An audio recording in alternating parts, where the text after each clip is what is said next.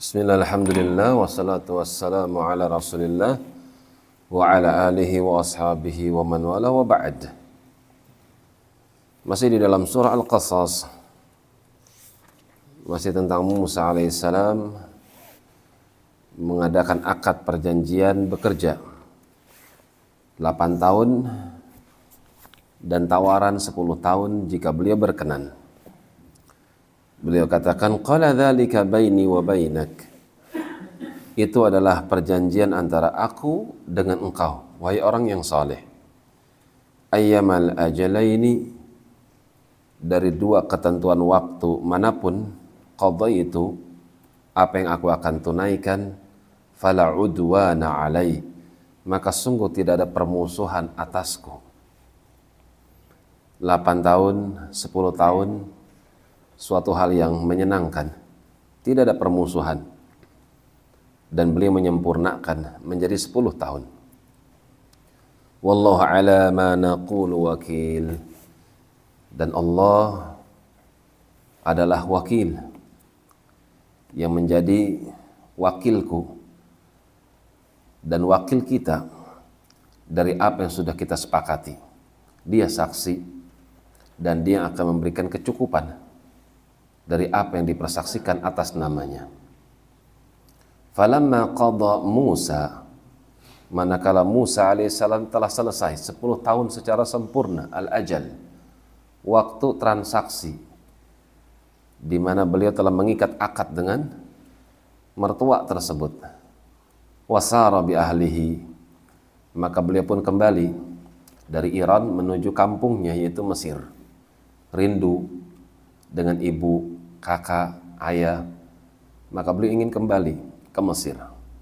Beliau pun berjalan bi ahlihi, tapi sekarang tidak lagi sendirian. Musa sudah punya istri dan juga anak-anak. Ana min janibi turi nara. Di tengah perjalanan malam gerimis beliau melihat ada cahaya semacam api dari tepi bukit Tursina. Maka beliau pun mengatakan kepada istri dan juga anak-anaknya, qala li ahlihi umkuthu. Kalian tetap di sini saja. Sabar, bertahan. Ini anastu nara. Sungguh sepertinya aku mendapati ada cahaya api. La'alli atikum minha. Harapannya aku akan datangi api tersebut bi khabarin. Dengan harapan kita bisa mendapatkan informasi berhubung jalannya gelap kita tidak tahu arah. Ke mana arah menuju Mesir? Siapa tahu sang pemilik api bisa memberikan petunjuk. Mana jalan menuju Mesir?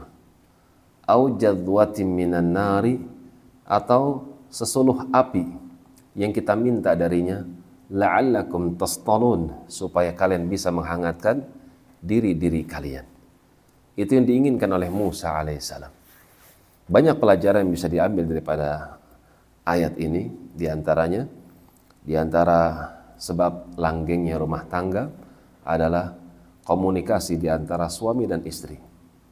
Suami meninggalkan anak, istri, maka suami harus memberikan informasi seperti Musa alaihissalam saya akan ke sana ngambil sesuatu daripada api atau aku akan bertanya mana jalan yang akan mencapai kepada maksud. Demikian pula istri di antara sebab langgengnya rumah tangga ketika sang istri sabar ditinggal suami mencari nafkah dengan menjaga anak-anaknya di dalam menjaga keutuhan rumah tangganya. Demikian wallahu alam bisawab.